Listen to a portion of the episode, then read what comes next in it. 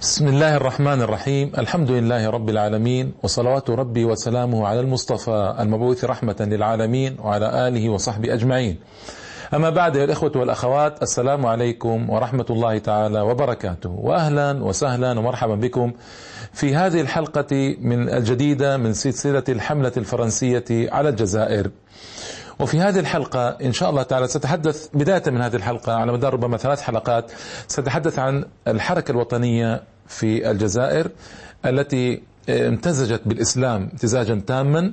في بداية القرن نتحدث القرن العشرين وكان الإسلام منطلقها والعمود الفقري لها.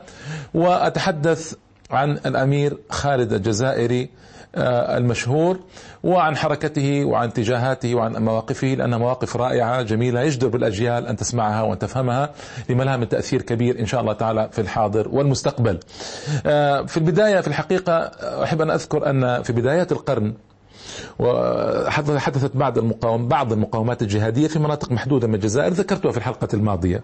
ثم إنه في بدا يعني بدأ الناس يفهمون أو يدركون أنه لابد من المقاومة السلمية في البداية التي تعتمد على الأساليب الحديثة في المقاومة.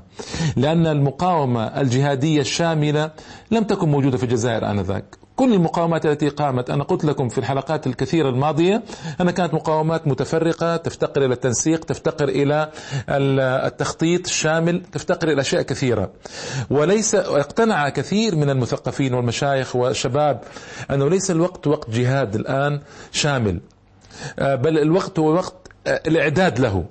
وبداية ينبغي أن يكون الأمر استعمال الوسائل التي اصطلح على تسميتها بالوسائل الديمقراطية.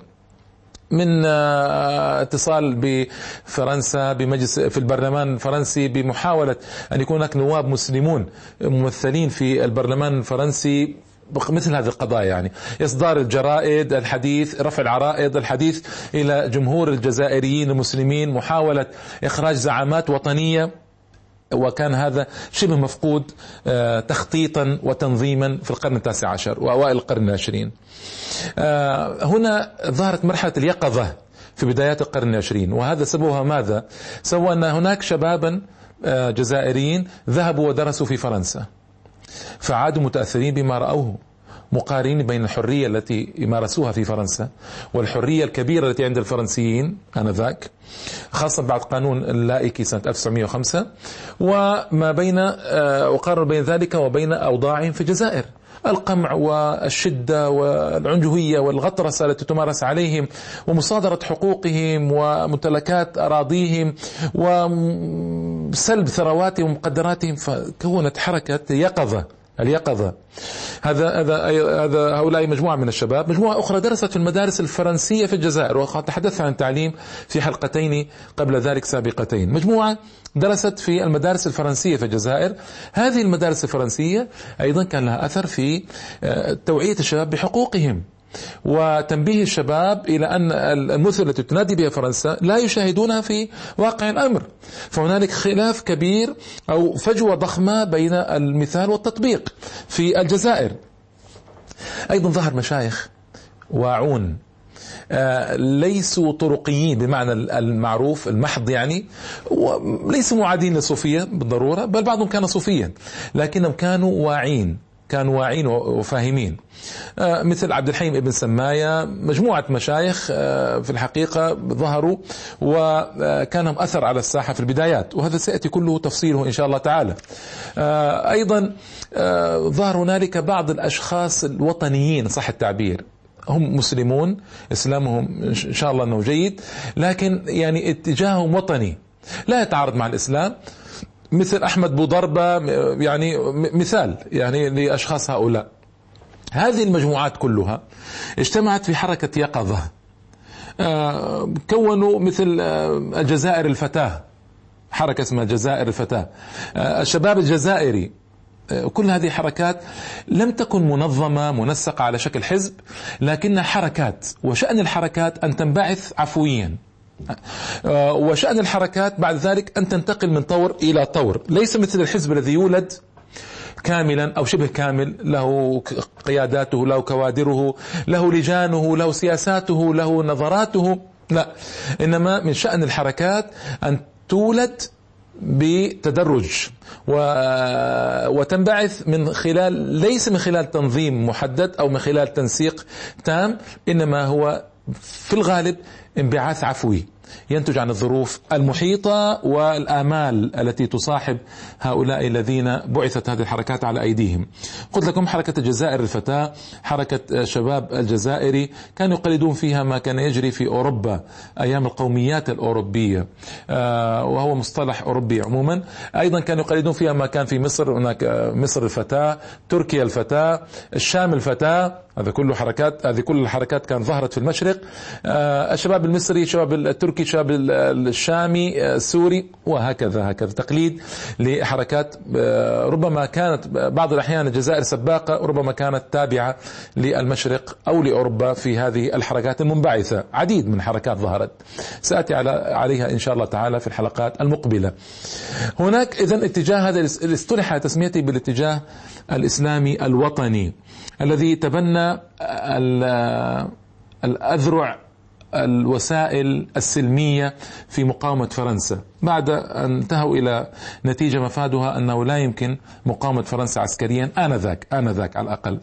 وبدأت الطروحات تطرح التفاهم مع فرنسا للتخفيف من القوانين الجائرة للنظر في القوانين التي سنت أو ابتدأ في سنها ابتداء من 1907 وقانون التجنيد الذي طرح ليس كقانون تجنيد إجباري لكن بداية ظهر كقانون تجنيد اختياري ثم انتقل بعد ذلك ليكون ليكون قانون تجنيد إجباري على كل الشباب الجزائري. آه، التفكير في قضايا مثل التمثيل البرلماني في فرنسا والذهاب إلى فرنسا من أجل عرض حقوق الجزائريين هنالك. آه، اتصال برؤساء الدول الكبرى وعرض حقوق الجزائريين كلها وسائل سلمية آه، اتسم بها أو اتسمت بها البدايات الأولى للقرن العشرين. هنا الأمير طبعا أيضا زيارة محمد عبده للجزائر وأثرها وسأذكر هذا إن شاء الله تعالى. لكن هنا الجزائريون ظهر فيهم الأمير خالد الهاشمي الجزائري. خالد الهاشمي هو ابن الهاشمي والهاشم ابن عبد القادر الجزائري. إذا خالد هو حفيد عبد القادر الجزائري صاحب المقاومة الرائعة التي ذكرتها في حلقتين آه، من هذه الحلقات التي أرجو من الله تعالى أن تكون مباركة وينفع الله بها إن شاء جل جلاله. آه، خالد الهاشمي إذا وسليل عز وسيل مجد فهو من آل بيت رسول الله صلى الله عليه وسلم وهو آه، جده كان مقاوما عظيم المقاومة. أيضا آه، أبو جده محي الدين كان صاحب زاوية وكان آه، صاحب شعبية في الغرب الجزائري. أمير عبد القادر صاحب شعبية طاغية في الجزائر وذكريات الجزائريين. ما زالت عند ظهور الأمير خالد ما زالت تتعلق بعبد القادر الجزائري تراه مقاوما شريفا عظيما مسلما بطلا. هكذا ظروف ظهور عبد آه، خالد خالد الهاشمي الجزائري. خالد ولد في دمشق. في القرن التاسع عشر طبعا الثلث الأخير منه ولد في دمشق. وخالد آه، عاش بدايته الأولى في دمشق لأن عبد القادر الجزائر نفي إلى دمشق كما هو معلوم أو استقر في دمشق بعد نفيه إلى خارج فرنسا. مراحل النفي ذكرتها بالتفصيل لا أعود إليها. جاءوا عدة أبناء منهم الهاشمي والهاشمي جاءه أتاه الله تعالى بخالد خالد. آه، أمه سوداء وأبوه الهاشمي طبعا ابن عبد القادر. آه، هنا خالد آه، فكر أبوه الهاشمي بالانتقال إلى الجزائر وفعلا انتقلت الأسرة هذه الفرع من الأسرة هذه انتقلت إلى الجزائر. الفروع الأخرى بقيت في بلاد الشام وفي الدولة العثمانية. الهاشمي عاش في ظروف صعبة كان مريضا لم يجد ثمن الدواء في بعض الأحيان كان يعيش حياته ساخطا على الفرنسيين وعلى الأوضاع التي كانت آنذاك. ابنه في الحقيقة ظهر في وقت غاية في الخطورة وغاية في الأهمية. وتكلم في وقت لم يكن يسمح فيه لأحد بالكلام عن القضية الجزائرية. على الشكل الذي يتكلم فيه خالد الهاشمي ابن عبد القادر. ما كان أحد يسمح له بالحديث بهذه الطريقة. وكان جزاء من يتكلم بهذه الطريقة السجن أو النفي أو الطرد من الجزائر أو المعاقبة الشديدة إلى آخره. الأمير طبعا كان يطلق عليه بعد ذلك باسم الأمير خالد الجزائري الأمير خالد الجزائري. بروز زعامة في ذلك الوقت في على وزن زعامة الأمير خالد. بنسبه وحسبه وبتراث جده عبد القادر وبالصفات الشخصية لخالد الجزائري الهاشمي هذا بروز زعامة كانت تقاوم من جهتين رئيستين جهة الجزائريين وجهة الفرنسيين. أما الجزائريون فبعضهم مثل شيوخ الطرق والذين ما كانوا مخلصين آه، زعماء القبائل بعض المؤثرين والمتنفذين من الجزائريين كانوا يوالون الاستخراب الفرنسي وكانوا في مناصب عليا نسبيا في الجزائر ما كان يعجبهم أن يظهر بطل يلتف حوله الجماهير من جديد في الجزائر. وهذا موقف كثير منهم من خالد الهاشمي عندما ظهر. موقف واضح كان وبقوة. آه للأسف الشديد وصل بهم بعضهم الحال إلى مد يد العون للسلطات الاستخرابية من آه في آه الجزائر من أجل القضاء على عبد خالد الهاشمي حفيد عبد القادر الجزائري. أما الحاكم طبعا في فرنسا فلم يكن يعجبه أن يظهر رجل يلتف حوله الأهالي. ويجعلون وساطة بينهم وبين الحاكم في طلباتهم في تحقيق رغباتهم وآمالهم في مستقبل لامع في مستقبل مضيء في استقلال ربما عن فرنسا. ما كان يعجبهم هذا الاتجاه اطلاقا. فقاوموه طويلا خاصة يعني كان موقف فرنسا منه لم يكن بالحدة مثل موقف المستوطنين الفرنسيين في الجزائر. كان موقف المستوطنين الفرنسيين والحاكم العام في الجزائر مارشال ليوتي في غاية السوء من آه، خالد الهاشمي. في غاية السوء. بينما موقف فرنسا ما كان ربما في بذلك السوء إلا في مدد معينه ما شعرت أن خالد أن خالدا بدأ يهدد وجودها في الجزائر. فساهمت معه أساليب الشدة والقوة بعد ذلك. لكن في البدايات وفي المنتصف ما كان موقف فرنسا سيئا للغاية من خالد. إنما كان موقف الإدارة الاستخرابية الفرنسية هي هو الموقف الذي بلغ في السوء مداه. وتحريض الحاكم العام في الجزائر المارشال ليوتي بلغ تحريضا لا لا حد له. نحن نعلم من هو مارشال ليوتي ومن أسوأ الحكام أو من أسوأ الجنرالات الذين مروا على فرنسا وسفك كثيرا من الدماء في القرن التاسع عشر وفي أواخره من إخواننا الجزائريين وكان له أثر سيء جدا في تدعيم التنصير آه، في الجزائر وفي أواخر القرن التاسع عشر حتى عين حاكما عاما آه، بعد ذلك وكان له أثر سيء في المغرب في ظهور قانون الظهير البربري. يعني رجل سيء للغاية يعني. فما كان يعجبه طبعا يخرج آه، مثل عبد خالد الهاشمي آه، وهو طبعا حفيد عبد القادر ويعلم أن السكان أن الجزائريين ما زال في أذهان بطولات عبد القادر وعظمة عبد القادر وجلال تضحيات وجهاد عبد القادر. ما كان يعجبه هذا بالطبع. فكان يعمل المستحيل ويراسل السلطات طبعا حتى يوقفوا خالد الهاشمي بكل طريقة كانت. آه، ظهر أيضا خالد في آه، عظم ظهوره يعني جل ظهوره كان في وقت فرنسا خرجت منتصرة من الحرب العالمية الأولى مع الحلفاء. فخرجت منتشية مزهوة آه، تصاحبها القوة وتصاحبها الآلات الحديثة والطيران الحديث والأسلحة الحديثة. وطبعا هذا أيضا وظهر في مدة كانت المقاومة الجزائرية الجهادية قد انتهت. قلت لكم أنا بانتهاء الأوراس في مايو 1917 كانت قد انتهت المقاومة الجزائرية إلى الفاتح من نوفمبر 1954 يعني 37 سنة توقفت المقاومة الجهادية تماما في الجزائر. ففي الوقت الذي ظهرت فرنسا أعظم ما تكون كانت المقاومة الجزائرية قد توقفت تقريبا مش تقريبا نهائيا توقفت المقاومة الجهادية في الجزائر. تفككت بنية المجتمع صار كل يحاول أن يسد الثغرات والمشكلات الموجودة. أما أعوان فرنسا فكل يحاول لكسب رضا فرنسا ونيل رضا فرنسا.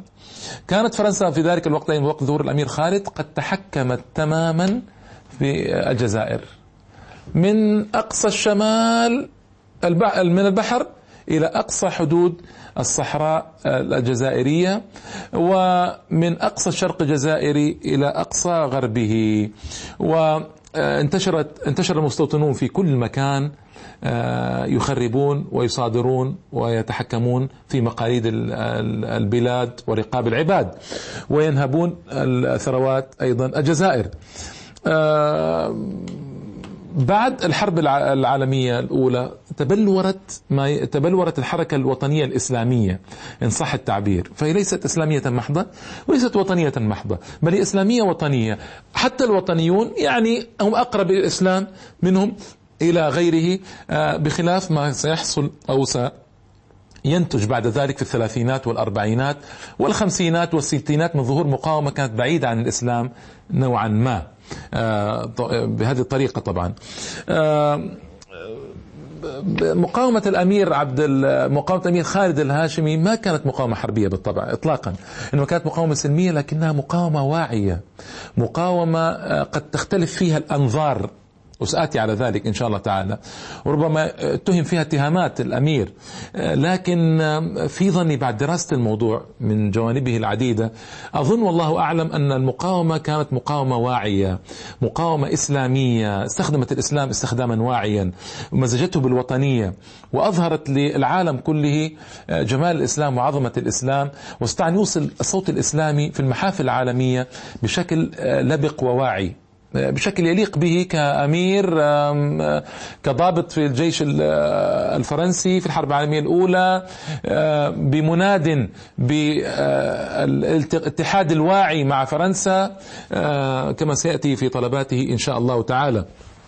إذا كانت هناك مؤهلات تسمح للأمير خالد بالتفاف الجماهير من حوله ولكن حركته آه، قضي عليها سريعا قضي عليها سريعا في الحقيقة بضع سنوات ما استمر الأمير خالد أكثر من بضع سنوات في آه، هذه الحركة سآتي إن شاء الله تعالى عليها بشيء من التفصيل.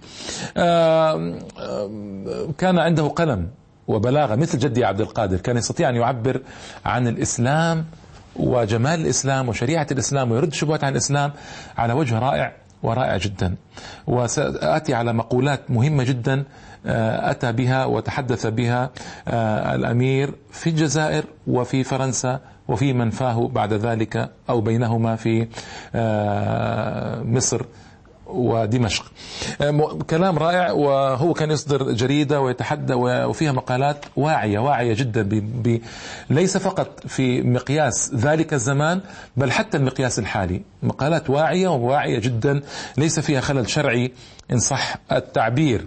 آه يعني هو واكب واكب التغيير الذي جرى في الجزائر بل جاء في الوقت الرائع المناسب آه، خالد الهاشمي رحمة الله تعالى عليه. بداياته ظهر ك يعني هو بدأ في كلية العسكرية. بدأ في الكلية العسكرية سانسير المشهورة تخرج منها كثير من من الزعماء المسلمين بعد ذلك يخرج منها كثير من قوات الجيوش المسلمين. سانسير هذه مر بها يعني أرسله أبوه إلى سانسير سانسير هذه الكلية في فرنسا. آه، استمر فيها مدة معينة. قرابة سنتين ثم خرج وهو عبر عن خروجه هذا بقوله لقد رأيت كثيرا من القادة في الكلية ينظرون نظرة نظرة مشبوهة. يتعمدون أن يحصوا علي أنفاسي أن يحصوا أخطائي وطبعا ينظرون إلي كأني حفيد لعبد القادر وأني شخص خطير. فما طاق جو الكلية فخرج منها. خرج من الكلية هذه ما أكمل. ثم إنه جرت أحوال عليه بعد ذلك آه، أعادته للكليه من جديد وفعلا أكمل وخرج ضابطا من الكلية. حاول معه الفرنسيون بكل وسيلة أن يطلب الجنسية الفرنسية ويتجنس بالجنسية الفرنسية. رفض رفض الأمير هذا الطلب وأصر على البقاء آه، على جزائريته. طيب لماذا حاولوا معه؟ لأنهم وجدوا فيه مخايا النبوغ والذكاء الكبيرين. ووجدوا فيه أيضا آه، تحمسا ونباهه آه، تؤهله لمنصب كبير في المستقبل. لأنه من المعلوم أن الضابط الجزائري إذا لم يحز على جنسية الفرنسية فإنه لا يسمح له بتخطي رتبة اسمها رتبة كابتن آنذاك أو نقيب يعني بالعربي ما يسمح له بتخطيها. أما الفرنسي فيصل إلى أعلى مستويات طبعا إلى جنرال وإلى أعلى من ذلك. فحاولوا معه رفض هو أصر البقاء. طيب لماذا رفض هنا القضية طويلة وما أريد أن آتي عليها الآن لكن باختصار شديد وربما أفصل في حلقات حلقات قادمة أن القانون الفرنسي آنذاك يسمح للجزائريين بالتجنس. لا بأس. لكن آه، على أن يتركوا التحاكم إلى شريعتهم الإسلامية. على أن يتركوا التحاكم إلى الشريعة حتى في قضية الأحوال الشخصية. بل يتحاكم في كل ذلك إلى الحكم الفرنسي يعني الردة عن الإسلام باختصار شديد.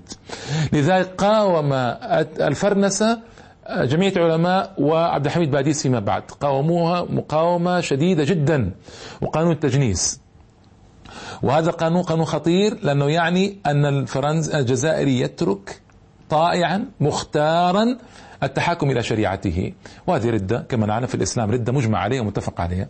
إن لم تكن بالمرء حاجة ملحة ضرورة أعني ضرورة ملحة آه، بتجنس الجنسية الفرنسية فإنه لا يجوز هذا العمل فإنه كفر وردة. لذلك خالد الهاشمي كان واعيا ورفض كل العروض القدمت له للتجنيس فبقي على رتبة محددة بعد تخرجه ما تجاوزها. آه، شارك في الحرب العالمية الأولى. شارك مشاركة واضحة في الحرب العالمية الأولى مع فرنسا. كان له فلسفة في هذه القضية. سآتي عليها فيما بعد. فلسفة في هذه القضية يشارك آه، مع فرنسا من أجل كسب ودها وثقتها حتى يصل إلى ما يريد بعد ذلك. وأرسلته إلى المغرب لانتفاضة الشاوية في المغرب. آه، أرسلته بعد ذلك إلى المغرب. وجرت له أحوال في المغرب أنه ناصر سلطانا على سلطان. ناصر آه، هناك كان سلطانان سلطان عبد العزيز وسلطان عبد الحفيظ وبينهم مشكلات في المغرب. تفصيل ما أريد الخوض فيه لأن يطول. فناصر سلطانا على آخر لكن الذي ناصره ما نجح ونجح الآخر فعد إذا تلقائيا عدو للسلطان فما كان السلطان يسمح له أن يأتي بالجيش آه، في الجيش الفرنسي ليطأ أرض المغرب. وصارت أحوال آه، رد بعدها إلى الجزائر آه، لأنه لم يسمح له فعليا بدخول المغرب وما كان من الذين يرحب بهم في المغرب. استقال مرة من الجيش ومن الخدمة العسكرية. ما قبلت استقالته ثم قبلت ثم بذلت جهود معه وساطات لأن يعود مرة أخرى إلى السلك العسكري. فعاد إلى السلك العسكري.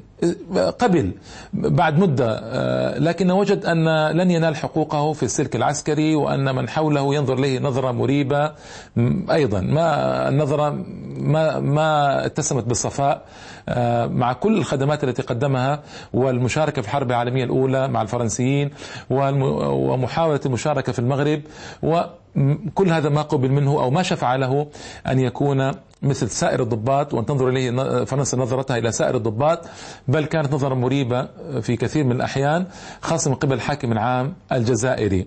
الحاكم العام الفرنسي في الجزائر يعني.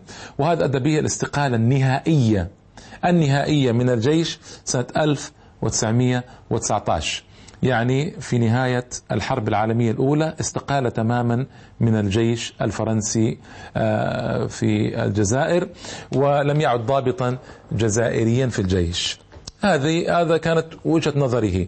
ما هو الأفضل له ولنا المسلمين في الجزائر؟ هل كان يبقى في الجيش ويكتسب الخبرات المطلوبة أو أن ينسحب؟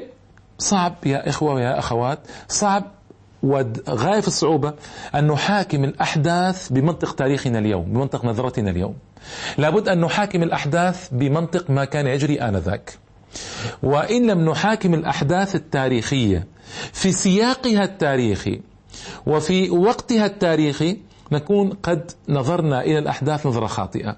وبالتالي نتائج هذه المحاكمات تكون نتائج خاطئة تماما.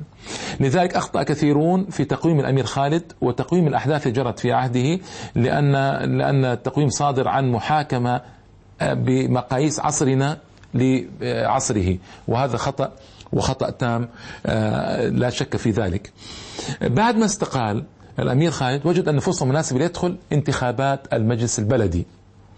ويتجه إلى العمل السياسي السلمي. هنا دخل مرحلة مختلفة تماما عن المرحلة العسكرية في حياته وبدأ تظهر مطالباته المتواصلة إلى أن ما إلى أن نفي رحمه الله تعالى وإلى أن مات بعد ذلك في بالحقوق الجزائرية وبحقوق المسلمين في الجزائر.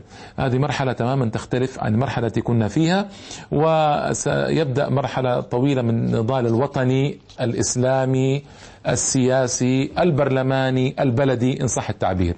وهذه كلها سأرجئها إلى الحلقة القادمة المخرج أشار بانتهاء الوقت. فإلى اللقاء الإخوة الأحباب الكرام والأخوات الكريمات في حلقة قادمة. والله أعلم وأحكم. وصل اللهم وسلم وبارك على سيدنا محمد النبي الأمي وآله وصحبه أجمعين. والسلام عليكم ورحمة الله تعالى وبركاته.